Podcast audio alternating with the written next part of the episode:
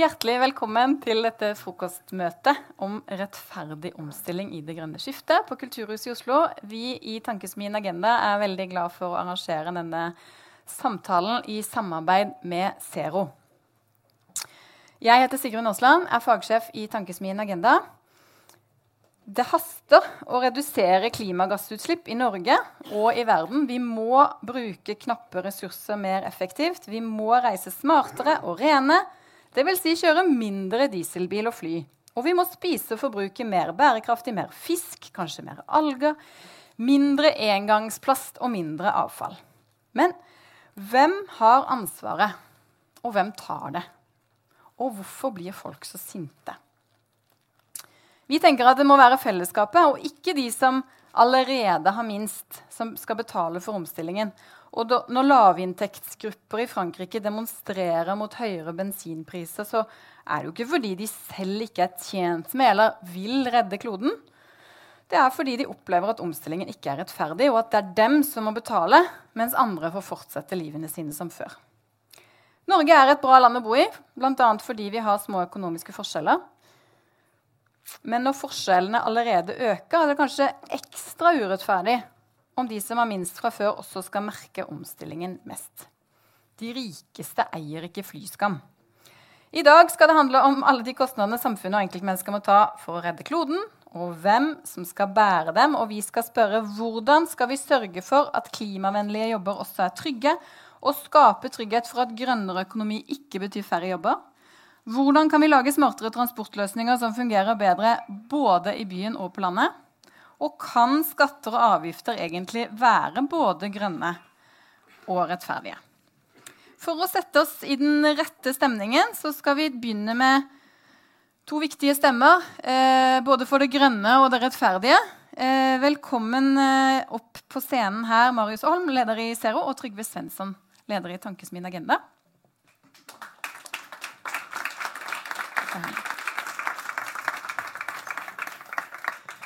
Eh, vi kan begynne med deg, eh, Marius. Er det mulig eh, å være både grønn og rettferdig?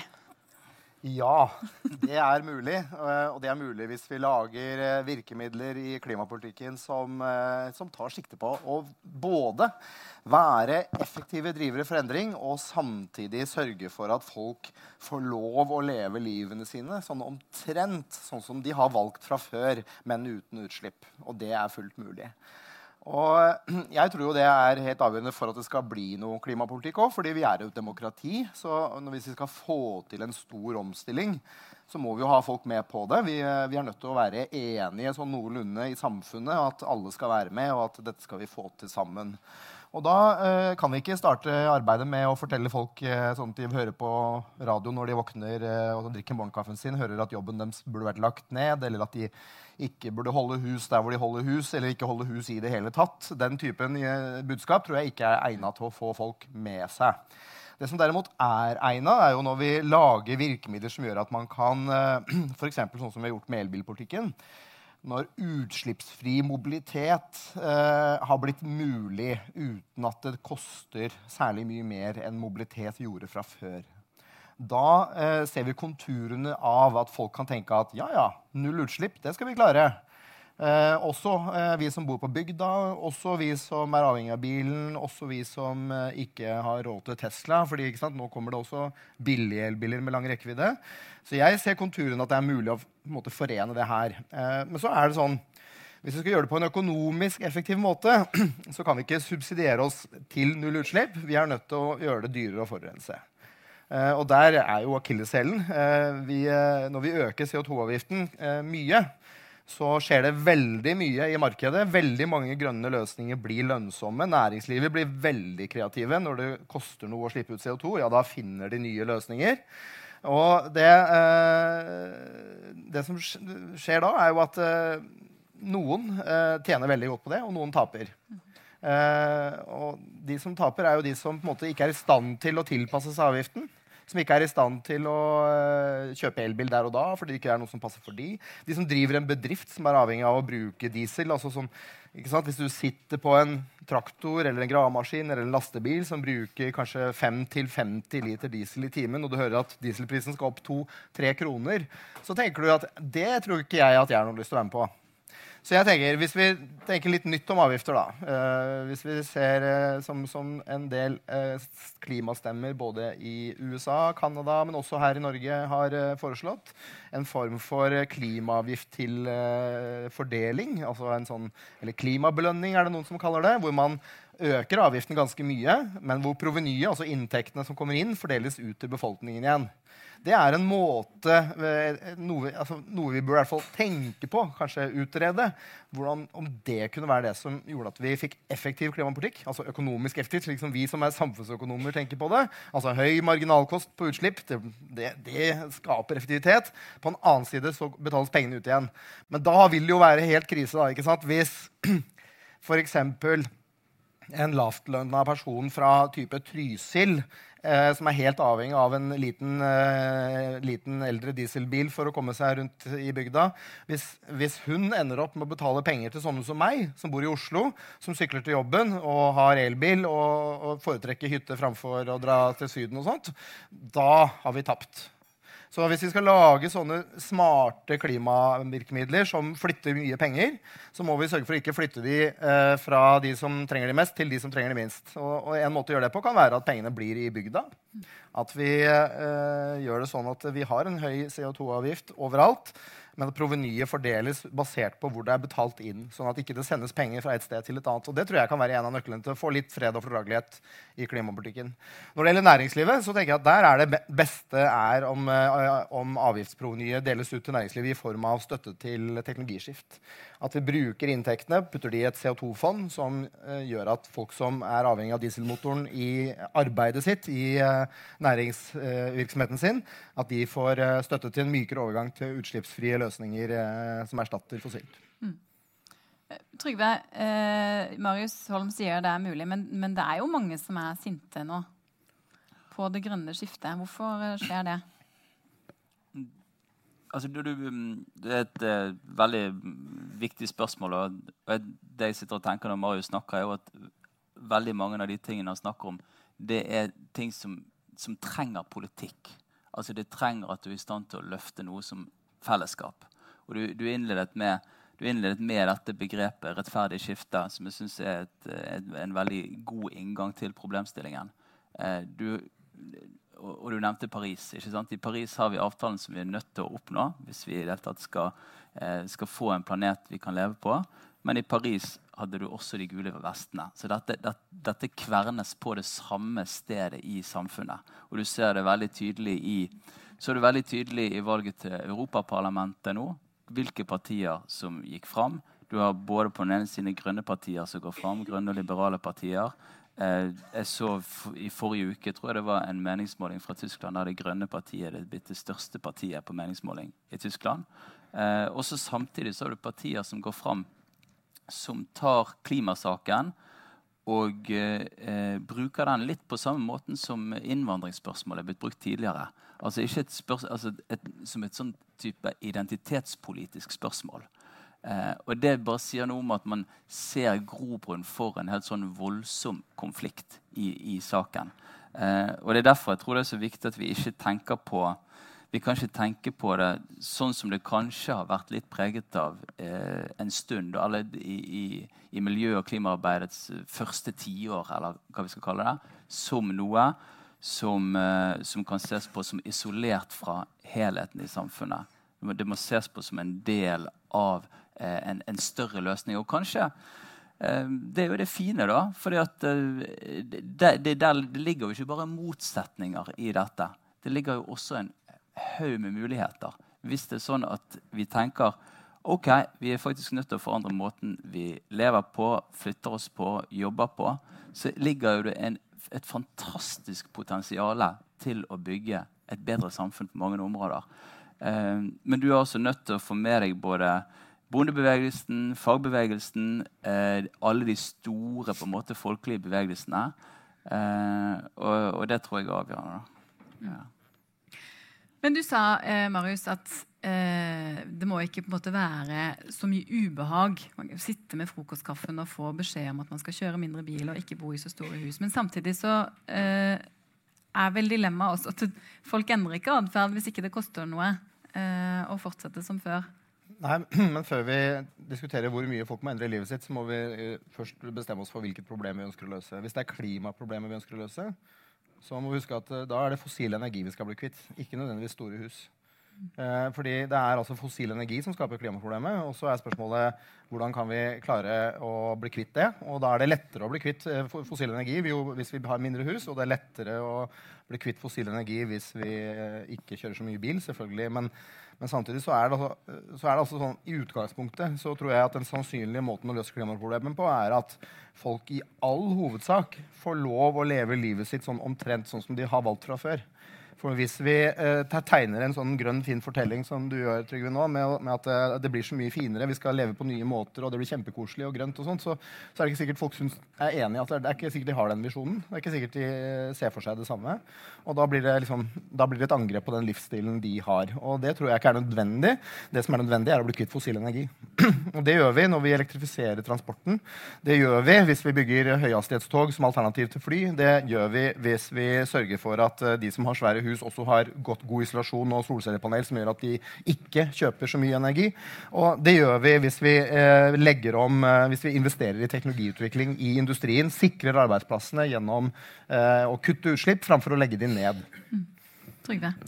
Ja, altså, et, det jeg tenker, er at uh, ja, La oss ta det som har vært vårens store politiske sak, da, nemlig bompengeopprøret. Eh, så handler det nettopp om den konflikten. Og da har du på den ene siden eh, Og jeg, jeg, tror ikke vi kan forstå det uten å se på utviklingen eh, av samfunnet som eh, helt bredt. Altså Se på f.eks. ulikhetsutviklingen i Norge. Nå er det sammensatt hvem det er som gjør opprør mot, eh, mot disse bompengene. Sant? Og Noen sier at det, det, er bare sinte, rike menn som kjører alene i bilen, som gjør det. Mm. Et, et, et, det er ikke, for å si det sånn, Jeg jeg reiser jo, og du hører på dialekten min at jeg er i Bergen en gang iblant. Og Når jeg snakker med folk der, så syns jeg i hvert fall det virker noe mer sammensatt. Eh, og, og, og, det er ikke noe rart at folk som har helt, en gjennomsnittsinntekt i Norge, syns det er krevende hvis plutselig eh, utgiftene hvert år går opp med alt fra 20 til, eh, til 40 000 i året. Det kommer an på hvordan de bor osv. Eh, og vi vet at ulikhetsutviklingen i Norge har, har gått i, i, dårlig retning. Sant? De 10 prosentene eh, som har lavest reallønn, har stått stille i ti år. Eh, så det er en del sånne type trender som også finnes i samfunnet, som jeg tror gjør omstillingen vanskeligere på alle mulige områder. Og Det er som, eh, det, der, det, er jo noe du vil se i alle slags fagmiljøer. At det å ha et samfunn med eh, små forskjeller, høy likhet, høy tillit, det er avgjørende for omstilling generelt sett. Så det vil òg være avgjørende for omstilling inn i det grønne skiftet. Um, og, ja. Jeg kan, hvis jeg kan spørre deg eh, avslutningsvis. Marius Holm foreslo, og det skal vi ta med inn i neste panel, eh, klimaavgift til fordeling mm. som en mulig måte å gjøre det annerledes på. For det er jo eh, mange som er sinte på bompengemåten å mm. gjøre det på. Hva annet er det vi kan gjøre konkret i skattepolitikken, f.eks., tenker du? Det er jo eh, Jeg tror det, det, er litt sånn kjedelig å si, men jeg tror det bør utredes. Jeg, tviler på at Norge kanskje blir det første landet som, som innfører akkurat det. Eh, men jeg tror på, i bompengepolitikken tror jeg veiprising er en god, fornuftig vei å gå. Og, eh, og dessuten, så eh, for å drive litt sånn egenreklame, reklame, så leverte jo Agenda i, for ikke så lenge siden et næringspolitisk dokument der vi har fått sammen sentrum-venstrepartiene. Eh, der ressursproduktivitet er et sånn sentralt begrep. Altså at du klarer å vri næringslivet i industrien i en sånn type retning at vi forbruker mindre og mindre av jordens ressurser i forhold til hva vi, vi får ut, og at det er noe som premieres. Og Der foreslår vi for eksempel, og det er, ganske, det er på en måte litt nytt i mainstream-politikken i Norge, at du får med hele sentrum-venstre på det, at ressursproduktivitet skal premieres også med skattepolitikken. Og Det er, sånn, det er litt det samme som med karbon, som Marius snakket om på næringslivet. Hvis du gir markedet en oppgave, så har markedet noen ganger en fantastisk evne til å løse det. Men du må ha politikere som virkelig gir den oppgaven. Altså en retningsgivende næringspolitikk. Og det, det er ett spor å gå. Vi skal si tusen takk til dere.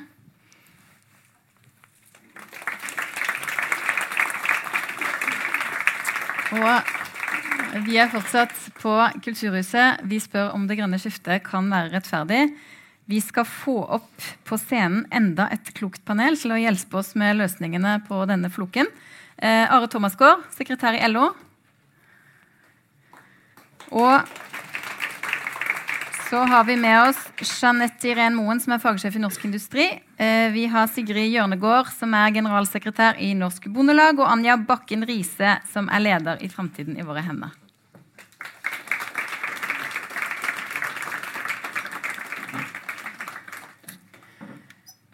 Jeg eh, tenkte jeg skulle begynne med deg, eh, Anja. Det, må vi forsake det gode liv for å redde kloden?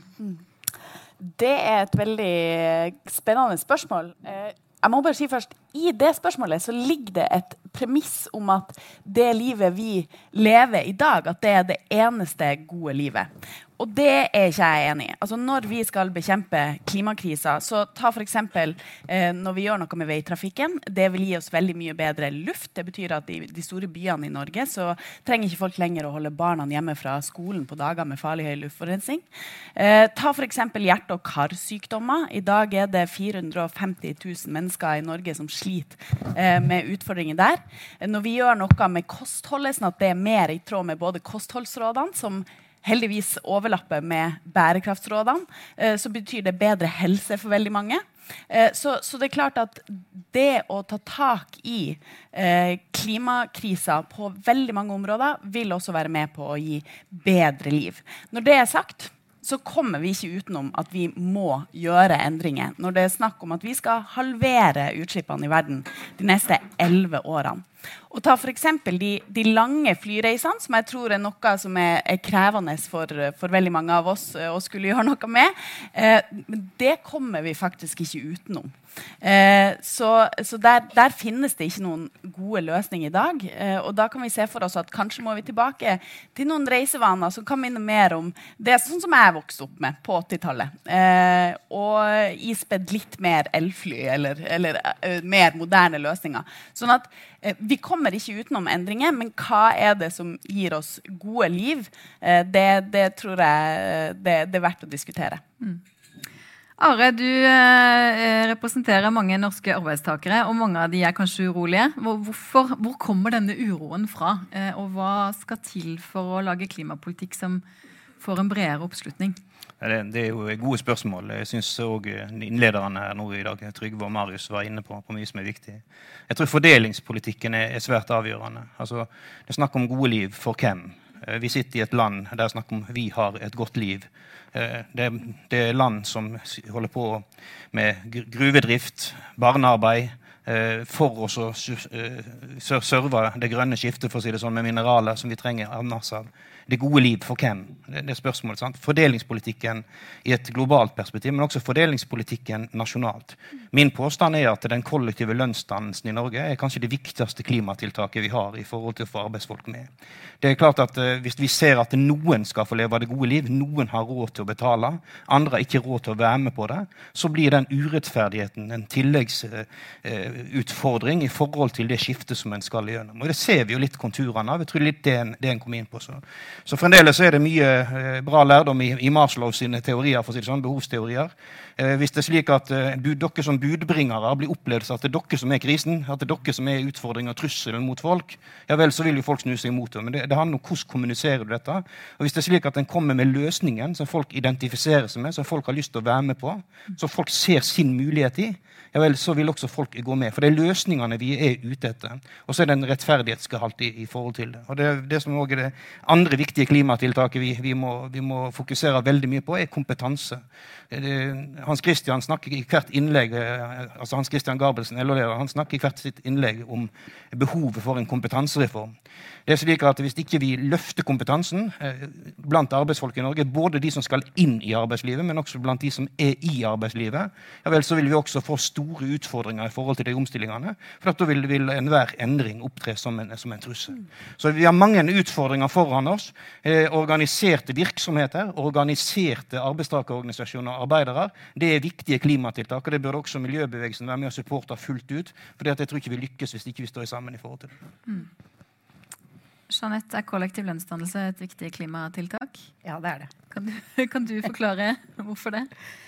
Nei, eh, jeg vil si eh, noe av det fineste vi har eh, i Norge, er det sterke partssamarbeidet. Både trepartssamarbeidet, altså mellom myndigheter og, og, næringslivet, altså arbeidsgiver- og arbeidstakersiden, men ikke minst på bedriftene. Og den lange tradisjonen du har for å finne løsninger i bedriftene, gjør jo også at omstillinger går lettere. Uh, der hvor du har gode ledere som vet å involvere de ansatte, så, så, får man til endring på en mye bedre måte enn der hvor man ikke er involvert. og det er klart at med det nye næringslivet som miljøbevegelsen sier ikke sant, ja, vi må vekk fra det gamle og over til det nye, så er det større utfordringer med at du ikke i like stor grad har organiserte verken bedrifter eller, eller ansatte. Og den mangelen på, på, partssamarbeid som man har i disse virksomhetene, kan gjøre eh, at, det vil, at, det vil, bli vanskeligere i framtida. Høy organisasjonsgrad er like viktig for arbeidsgiversiden som det er for arbeidstakersiden. For det gjør at du får tillit at man har respekt for hverandre eh, og hverandres roller. For vi er jo ikke alltid enige. Eh, såpass ærlig får vi være. Men, men, den tilliten man har, det gjør at, eh, at man kan få til bedre løsninger eh, i framtida. For de som, eh, dette, Dere er jo i LO-NHO jeg skjønner, skjønt enige om at eh, trepartssamarbeid og kollektiv lønnsdannelse gjør at vi kan omstille oss. Men det er jo likevel en uro, og det er jo uenighet eh, om hvor fort vi skal endre oss, hvordan vi skal endre oss, hva skal vi gjøre med olje- og gassektoren. Eh, finnes det noen løsning på det, Are Thomas Gahr? Altså, jeg kommer jo fra et industrisamfunn i Odda. og Selv om det er ikke mange som tror det i dag, kanskje, så, så starta mitt engasjement i Aksjon Rein Fjord. Det var et rent, rent miljøengasjement. Den gangen så var det fordi at bedriften det var en trussel mot fjorden. Det var slik at Den kunne ikke henge ut klesvasken uten at den var mørkere for å si det sånn, enn før du vaska den. Det var, det var Fjorden i Odda var egentlig, ja, det var så rød i Sørfjorden at det var eneste som var rødere, var egentlig den politiske fargen i bygda. for å si det sånn. Så, så, Det begynte jo med, med, med at vi måtte, måtte, gjøre noe. Industriarbeiderne var jo imot oss. Eh, Lars var jo inne der den gangen husker jeg, på, på, på, på 90-tallet. begynnelsen, Vi, vi, vi kjempa imot, for industriarbeiderne kasta nesten stein etter oss. ikke sant? For de var redd for arbeidsplassene. Det var først når en klarte å for, forstå det at hvis ikke vi endrer, hvis ikke vi renser opp fjorden, hvis ikke vi får, får ut utslippene, det er jo da arbeidsplassene kommer til å forsvinne. For dette kommer ikke samfunnet til å akseptere. Det var først da vi fikk fart i det. Da fikk vi disse samarbeidsavtalene som i dag har gjort at du kan spise fisken inn på kaikanten på fjorden. der, og det, det, går veldig bra, for å si det sånn. Så, så, jeg tror jo det er litt det samme, men det er klart det er en utfordring. for Vi snakker aldri om hva vi skulle fase ut. Vi snakker om hvordan skal vi utvikle oss slik at vi kan overleve. Og det tror jeg er litt viktig at Når vi snakker om å fase ut en hel næring Nei, vi vil snakke om hvordan skal vi utvikle denne næringen, hvordan skal vi utvikle den kompetansen, utvikle de erfaringene som vi har, for å kunne gå inn i nye næringer, forsterke næringer vi allerede har, til å gjennomføre det grønne skiftet. Så litt mindre opptatt av hva vi skal avslutte, mer opptatt av hva vi skal fase inn, og hva vi skal bli bedre på. Så tror jeg også det er lettere for folk med seg.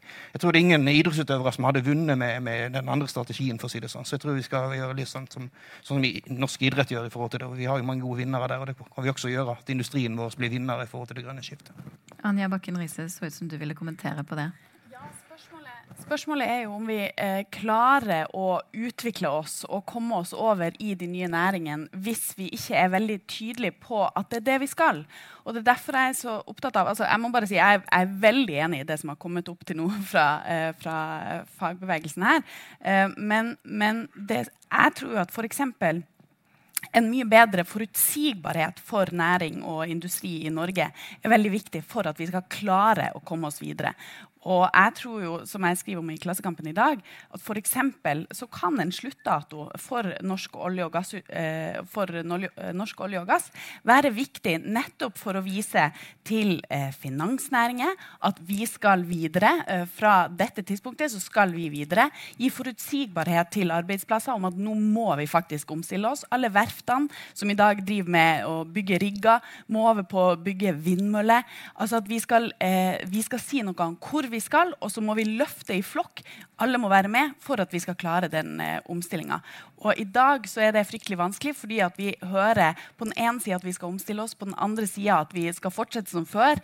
Eh, hva er egentlig insentivet, hva er drivkraften for å få til den helt nødvendige omstillinga som vi skal igjennom? At du sa sluttdato, så så jeg Are og Thomas skal hoppet litt i stolen. Men, men jeg har lyst til å bare, før, vi, før, du får svare på det, så har vi også en, en sektor til her, og det er eh, altså landbruket. Og Sigrid Hjørnegård, du kommer jo fra en næring som på den ene siden merker klimaendringene, vil jeg tro, når det kommer tørkesomre og veldig våte somre og, og, hva som kommer, mm. eh, men også står for ganske store klimagassutslipp. Eh, hvor stor er omstillingsviljen og evnen blant norske bønder? Ja, Den uh, tror jeg er stor, men kanskje aller først er jeg veldig, veldig, glad for at vi landbruket og bøndene blir invitert med inn i denne diskusjonen som en del av næringslivet. For jeg tror at det, akkurat, akkurat det dere setter søkelys på her, nemlig å få folk med og ikke mot. Være en del av løsningen, ikke en del av problemet. Det er så grunnleggende også for, for det å få dratt med bøndene i denne omstillingen. For jeg tror kanskje eller vel, I veldig stor grad så føler nok bøndene som at de er en del av løsningen. De kan fotosyntese, de jobber med natur, de er nødt til å jobbe på, på lag med naturen. Eh, og så blir det da så veldig uforståelig når man blir en stor del av problemet. Så det her akkurat det der med å få, få, få, få dratt både, både, altså alle aktører i næringslivet med, det tror jeg, det tror jeg er en veldig sånn nøkkelfaktor til å lykkes i klimapolitikken. Og så er det klart at bøndene føler mer og mer på kroppen, som du sier, at, eh, at, eh, noe er galt, og at vi må eh, være med på å endre.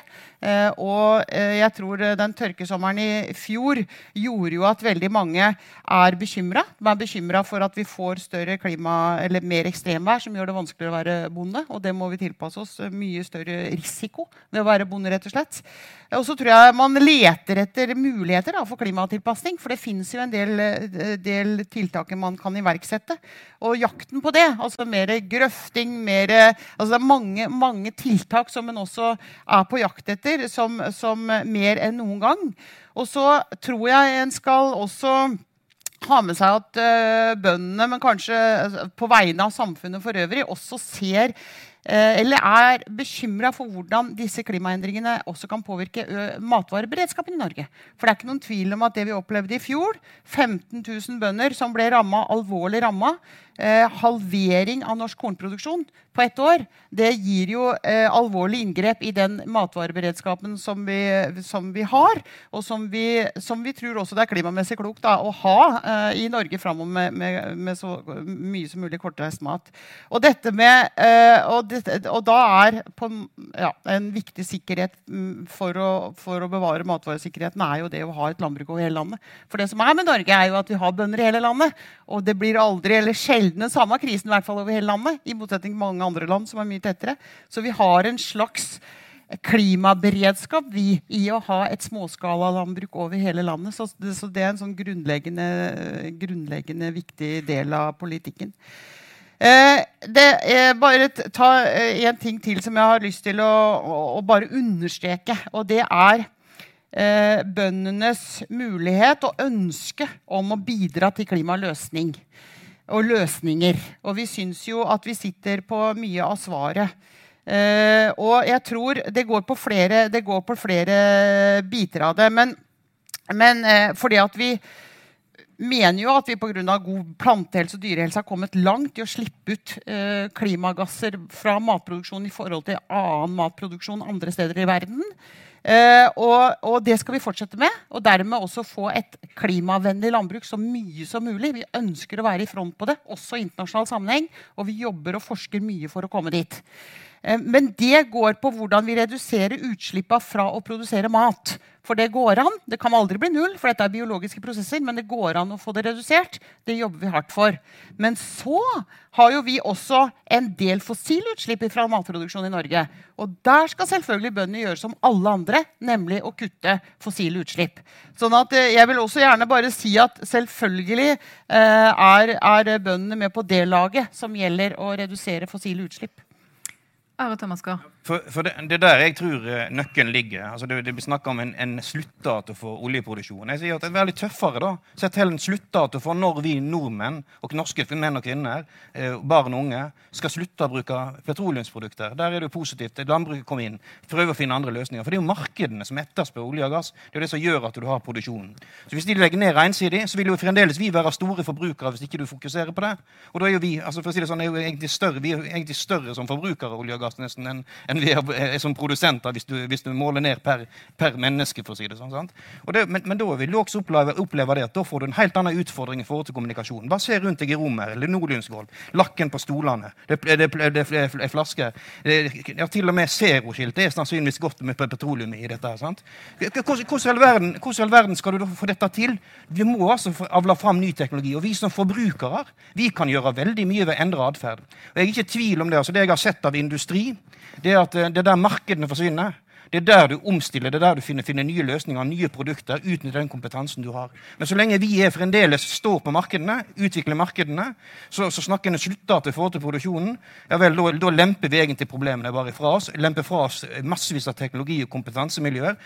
Får eh, provosert opp en masse norske arbeidstakere. Eh, lager masse stigmatisering og får mye motstand og friksjoner. Lykke til med den strategien. Jeg er ikke med på den. Anja? Jeg hører at dette er noe vi skal snakke mer om. Og jeg, eh, jeg syns det er veldig bra at vi er samla her i dag, fordi det handler jo nettopp om, om, om, å snakke sammen. Eh, og vi er ikke interessert i å polemisere, vi er ikke interessert i å, å sette oss på hver vår tue og, og ikke møtes og finne løsninger i fellesskap. Men, men, så dette er noe som vi vil løfte for å få den nødvendige debatten. Men det er ingen tvil om at vi kan ikke vente på at markedene på, på magisk vis skal, skal, finne ut at, eh, at, de har veldig mye bedre løsninger. Det må være en blanding av markedsstyrt eh, og politisk styrt. Og hvis ikke et land som Norge skal som, Altså, vi har ressursene, vi har kompetansen, vi har tjent oss rik på olje og gass over så mange år. Hvis ikke vi skal tørre å si at vi skal møte framtida på en annen måte, da lurer jeg veldig på hvilke andre land det er som skal gjøre det. Mm. Altså, det, det, er jo ikke magi vi snakker om. Det vi snakker om er jo teknologiutvikling. Det er kompetanseheving. Det, det er løft for mer arbeidstakere hele veien.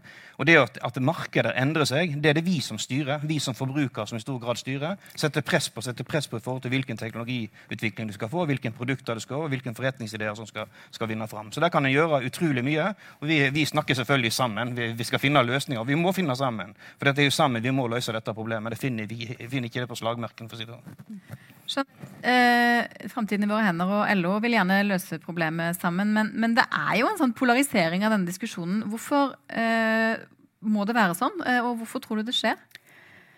Alle ønsker jo å, finne, å, å gjøre det beste eh, og finne de beste løsningene. Men er, jeg syns det er trist eh, hvor polarisert debatten blir.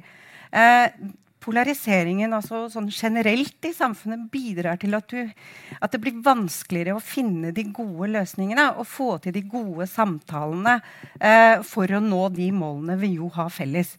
Eh, industrien ønsker jo å være en del av løsningen. Det er det ikke noe tvil om. Industrien er vant til å forholde seg til strenge krav.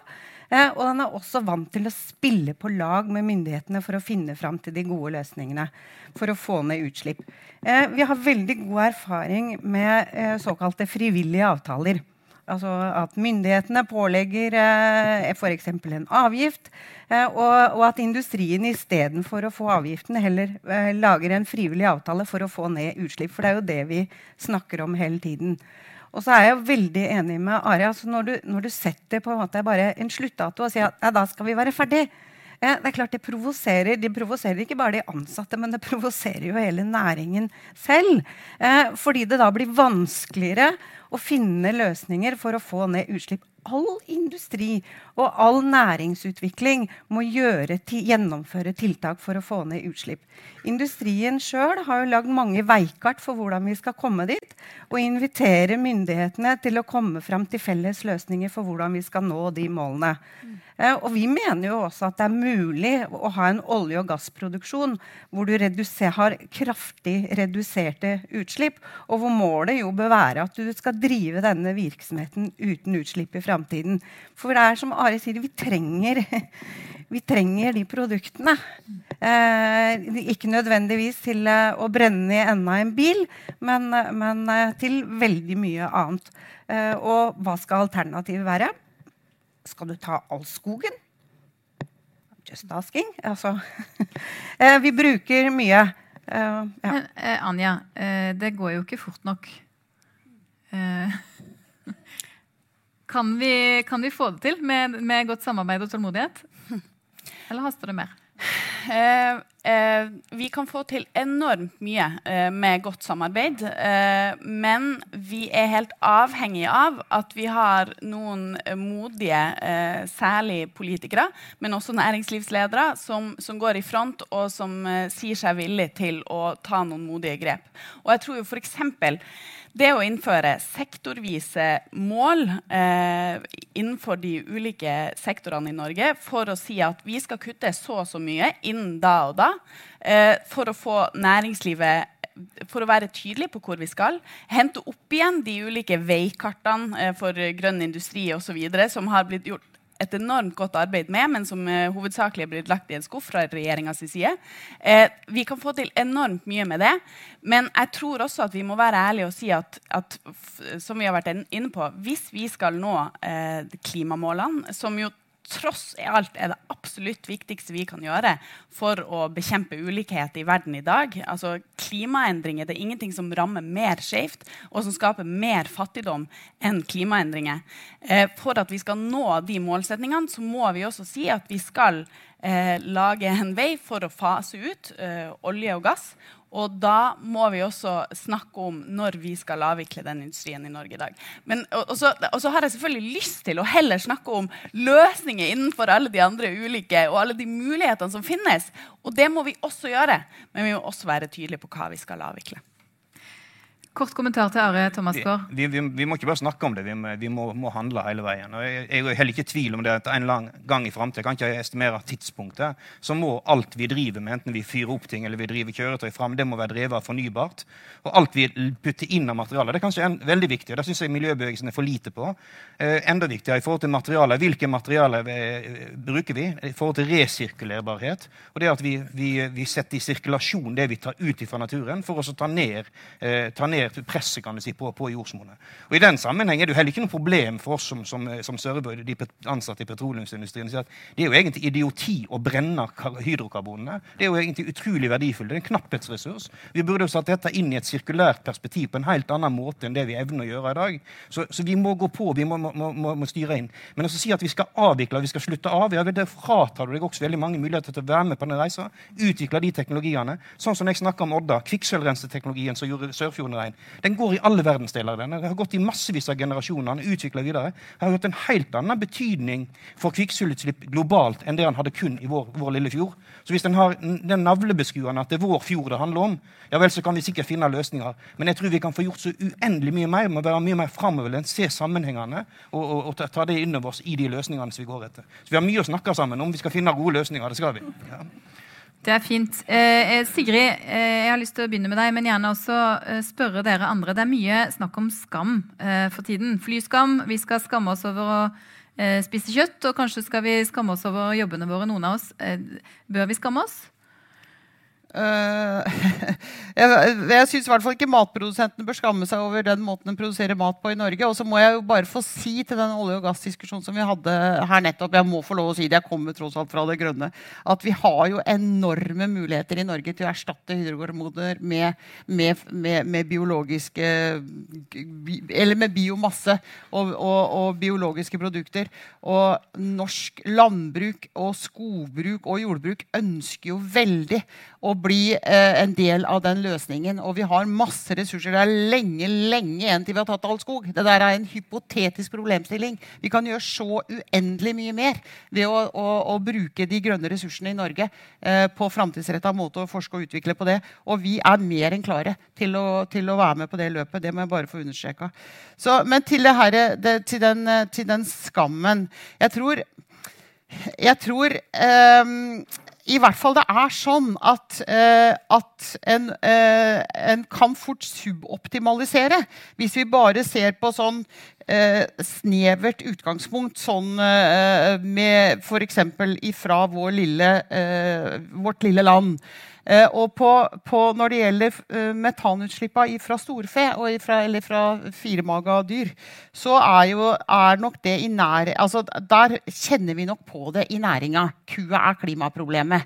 Uh, og i vår lille dam, da, hvor i tillegg jordbruk er en del av ikke-kvotepliktig sektor, sånn at vi har, vi har, egentlig ikke noe vern mot karbonlekkasje, sånn som en har på, på, på, nære, på sektorer som er innafor kvotepliktig sektor så eh, kan den fort bli litt sånn snever i, i, i, i, perspektivet. fordi det er jo ingen tvil om at vi produserer altså kjøtt og vi produserer det meste av maten i Norge med lave klimagassutslipp i forhold til andre land. Eh, og vi ønsker som jeg sa i stad, å gå videre på den veien. Og kanskje liksom å bli verdens beste er veldig sånn der, eh, stort. Men vi har gode forutsetninger fordi vi har så god dyre- og plantehelse i utgangspunktet. Og vi produserer på en veldig, veldig sånn miljøvennlig måte i forhold til mange andre. Eh, og, og, komme langt når det gjelder å produsere mat med lavest mulig utslipp. Så hvis vi da eh, iverksetter tiltak i Norge som gjør at matproduksjonen går ned i Norge, men vi bare f.eks. importerer den maten isteden, så vil jo i realiteten klimagassutslippene i verden gå opp. Og vi gjør, gjør eh, en veldig, en veldig sånn Det blir feil feil resultat av det.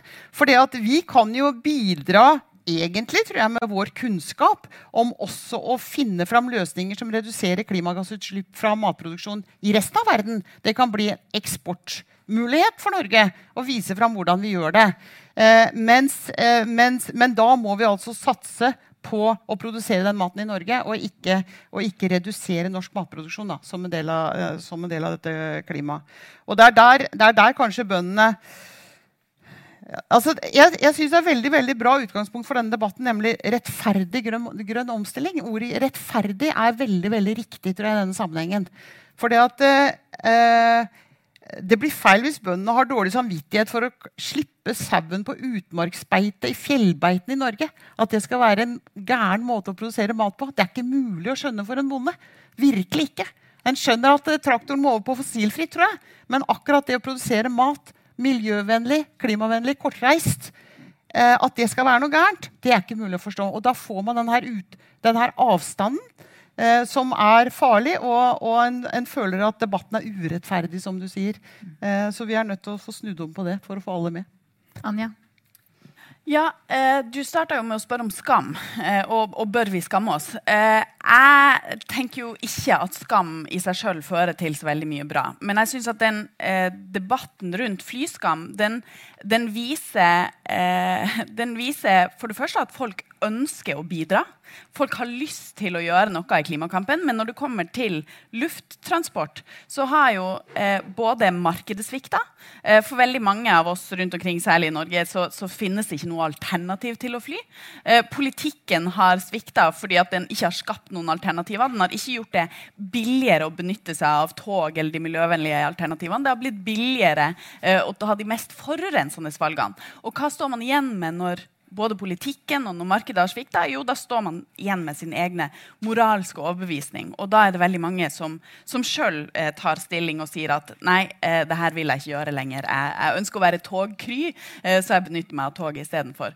Og det, det, er litt det samme som jeg, jeg opplever at uh, når det kommer til, uh, til, til, kjøttforbruk, så til tross for at dagligvarekjedene Og det her vet jeg at bøndene ikke syns noe særlig om heller, men altså, dagligvarekjedene de har jo, de, de, de har jo jo dumpa prisene på kjøtt for å lokke folk inn i butikken. Som gjør at vi får et helt urealistisk bilde på hva, eh, hva, hva slags ressurser som har gått med i å produsere denne maten.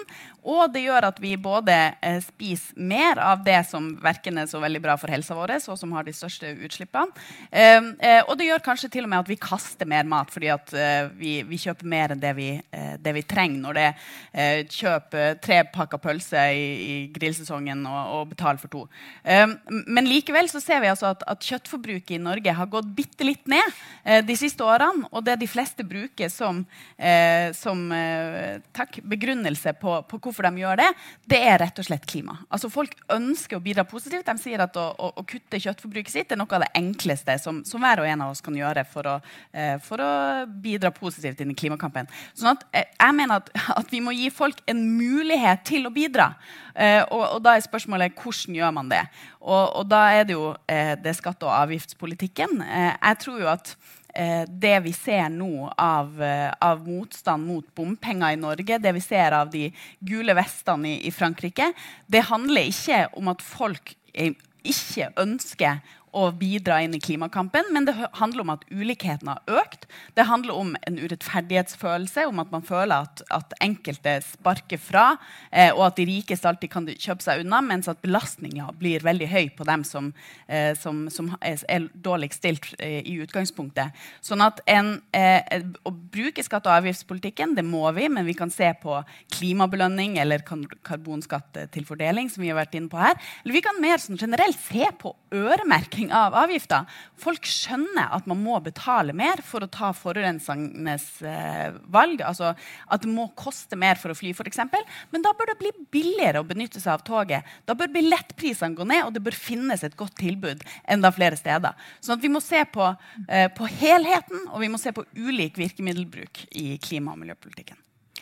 Mens vi snakker om virkemidler, vi hadde jo eh, tidligere her i samtalen Trygve Svensson og Marius eh, Holm som eh, kom med to ganske konkrete forslag. Klimaavgift til fordeling, der vi betaler for utslipp, men fordeler pengene tilbake igjen i befolkningen. Eh, og skattefordeler til ressurseffektive bedrifter, som f.eks. er en del av sirkulærøkonomien. Eh, er det noen som eh, har noen kommentarer til de forslagene? Are Thomas Gaard? Nei, det, altså, det å si at vi, vi, kjøper forslagene nå det, Jeg tror Trygve sa noe uh, veldig bra mot slutten, at det, vi må utrede, vi må, vi må, se på det, vi må vurdere konsekvensene av de forslagene. Men, det, men det, begge forslagene er et uttrykk for, det er jo det som går på fordelingsmekanismene opp i forhold til uh, det, som vi må, må, gå i gang på, det grønne skiftet. Og det, er en utfordring. Den, den, den ligger der hele veien. Og det, gjelder, jeg deler analysen eh, din veldig langt på vei. Det, det, som er, det som er farlig med gule vester, disse her aksjonene som går og sånn, ta sånn som i, USA. Du ser hva vi sitter med som president der borte. Det, det er jo ikke for å si det sånn, det, Hvordan i all verden kunne, kunne rustbeltet i, nei, i Midtvesten komme på det å stemme inn en, eh, en eiendomsmilliardær fra tjukkeste New York som president? Altså det, er jo, det, er klart det ligger jo masse frustrasjon i de valgene. sant? Da har han drevet det så langt at han har ikke sett det som eh, kom imot, altså de motreaksjonene som, som, som en, en, tar ut. Og så får en det stikk motsatte som konsekvens eh, på verdens høyeste politiske posisjon. Så jeg tenker sånn at vi, vi, må, vi, må, se disse konsekvensene. Vi må se at disse bevegelsene, eh, frustrasjonsmønstringene, eller kall det hva du, hva du vil, eh, de, de gir også noen politiske krefter muligheter til å komme inn og forsterke seg. Og Det må en også unngå, for det vil heller ikke være gagnlig i forhold til den utviklingen som vi ønsker, det grønne skiftet vi ønsker. Derfor er det veldig positivt det arbeidet som også eh, Agenda har gjort nå med, med, med, med de, politiske partiene, for å prøve å finne løsninger der en setter seg ned, snakker sammen og prøver å finne plass slik at vi kommer, kommer i gang og gjør dette i, i fellesskap, og ikke, ikke løse ut alle motkreftene. Da får en mye motbakke å gå i. Det er nok av motbakke uh, uten, uten, at vi, vi bygger de sjøl, for å si det sånn. Sigrid? Bare, bare, det, det, er interessant, og det var veldig bra, bra den eh, samtalen i starten her, eh, syns jeg. Og det er, det er, verdt å tenke gjennom. Men jeg bare, for vår del så tror jeg, sett fra, på, fra gården, så er det, er det, snakk om eh, hvilke alternativer fins egentlig. Og bare avgiftsbelegget, hvis en ikke har, har, gode alternativ, så vil det jo enten bare føre til at vi flytter matproduksjonen ut av landet, som jo er en dårlig løsning, eller at bondens inntekt blir lavere. Og det er heller ikke noe ønska effekt eh, med, med, tiltaket. Så det er viktig at en, at en har løsninger som er tilgjengelige, altså, før en, eh, før en hvert fall uh, gjør noen store grep i den retningen. Men dit må vi jo komme. Så det er jo snakk om forskning og utvikling. Men det er litt sånn rekkefølgen på det. Ellers så, får bare, ellers så blir konsekvensene feil, da, som Are sier. Jeanette, bør vi gi skattefordeler til ressursproduktive virksomheter? Ja. eh, eller altså, akkurat hvordan løsningen skal være, det, det, det vet jeg ikke. Men, men ja, eh, du er nødt til eh, å premiere de som, de som går eh, foran. Eh, det vil bidra til at eh, man tar større risiko eh, mer sjanser. At man ikke bare sitter og forsker og utvikler inntil man har den aller beste løsningen, men at man faktisk går i gang med de løsningene man har i dag. Og da lærer underveis og finner stadig bedre løsninger. Det mener jeg det har eh, norsk, norsk, industri vist at den klarer eh, opp gjennom eh, årene. Og det tror jeg den også vil klare i framtida. Litt sånn på eh, f.eks. karbonfangst og -lagring. Altså, vi har holdt på, Are og jeg, sikkert i eh, godt og vel 20 år og prøver å finne gode løsninger for hvordan du skal få til det. Og hver gang du liksom begynner å nærme deg, eh, så kommer tilbakemeldingen om at nei, det er for dyrt. Eh, vi må vente til det er enda bedre. Og det finnes sikkert enda bedre annen teknologi enn å gjøre dette. Og når vi hele tiden utsetter eh, løsninger fordi du skal finne det aller beste, så kommer vi heller ikke videre. Så det å eh, ha den Ja, skal vi ha føle skam? Nei. Men litt dårlig samvittighet. Litt den følelsen av at det er dårlig tid. Det å tørre å gå i gang og ta den risikoen også for å gjøre feil. Mange klager på Mongstad og sier at det var så grusomt og vi tapte så mye penger. Nei, ekstremt mye god læring i de prosjektene. Eh, og industrien er jo også klar til å gå videre. Men da må man være villig til å ta den risikoen. Spille på lag med industrien. Eh, sammen med politikerne. Still gjerne strenge krav, men vær også med på laget for å finne de gode løsningene. Så, ja. Anja Bakken Riise, kan vi bruke skattepolitikken til å gjøre det grønne skiftet rettferdig? Ja, definitivt. Men så tror jeg som siste taler er inne på, noe av det som er helt avgjørende for at vi skal komme oss videre nå, er risikokapital. Eh, og jeg tror også at vi trenger å se en mye tydeligere og sterkere statlig eh, villighet til å gå inn eh, og stille med kapital. Og så finnes det mange muligheter å, å, løse det på. Men jeg tror at staten må ha en mye tydeligere grønn industri- og næringspolitikk. Eh, og, og, jeg er enig i at det er veldig positivt å se hva, at, at Agenda har tatt initiativ til å få flere partier til å sette seg ned og snakke sammen om hvordan det kan se ut. Men jeg tenker at det også er kjempeviktig, eh, og som vi ser i USA med, med, The Green New Deal. altså den der Å koble arbeidsplasser, næring, industriutvikling sammen med klima, som jeg tror også er med på å, å, å gi folk jeg tror at mye av den uviljen den, eller motvilje eh, frykten som veldig mange kjenner på, og, og, motvilje mot å omstille seg, henger sammen med at man rett og slett er redd for, for hvordan hverdagen skal, kommer til å se ut, hvordan jobb man skal gå til.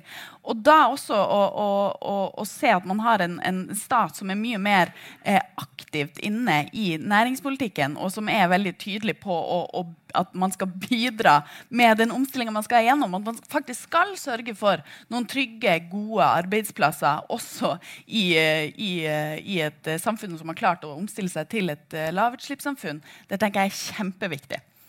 Are Thomas Gaard, Vi skal begynne å gå inn for landing i denne samtalen om det rettferdige grønne skiftet. Men du skal få lov å komme med et ønske. Ja, For meg så var det en veldig, veldig bra eh, siktemål i forhold til å få, få et godt nedslag. Vi, vi, vi, driver jo med hopping òg, holdt på å si, så, så, vi kan litt om hopp. Det, det, var et bra nedslag. Altså det, det, det er klart Staten må, må inn mye mer aktivt. Vi må ha mye mer framoverlent næringspolitikk. Det er, ingen, det er, ingen, tvil om. Og ikke minst i forhold til det grønne skiftet, men også i forhold til det sirkulære perspektivet. Altså, det må skje noe i forhold til måten vi, vi rigger eh, hele, hele, systemet vårt på, til å kunne verdisette det og resirkulere og bruke ressursene om igjen, om igjen om igjen. I dag så får du ikke verdien ut av det, og det er en kjempeutfordring. Sammen med Virke, eh, vi jobber sammen med flere arbeidsgiverorganisasjoner, så har vi nettopp sendt et brev til, eh, til regjeringen der vi har bedt om at vi får et ekspertutvalg, at det setter seg ned og jobber i forhold til sirkulær økonomi. For et nedslående svar, men vi kommer ikke til å gi oss. Vi kommer til å følge opp med, med et møte.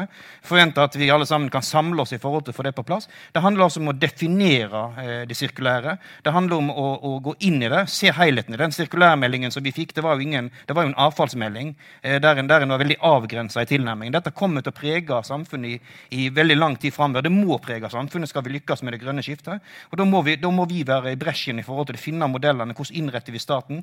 Hvordan, hvordan eh, rapporterer vi på dette? Hvordan, hvordan verdisetter vi ting i forhold til dette? Der må vi være på. Så, så økonomien, der eh, LO går i hvert fall tungt inn i forhold til å, prøve å presse det på plass, slik at vi klarer oss å samhandle rundt det. At ikke det bare blir liggende der som et sånt fyndord som vi tar inn i alle festtaler. Men så, så forstår vi egentlig ikke hva det handler om. Det ble siste ord i eh, denne debatten i dag. Men det høres ut som eh, arbeidsgivere, og arbeidstakere, og bønder og miljøbevegelse skal snakke mer sammen om et rettferdig grønt skifte. Tusen takk til alle dere som kom hit i dag. Takk til alle dere på Kulturhuset som hørte på, eh, alle som hørte på et annet sted, og takk for i dag.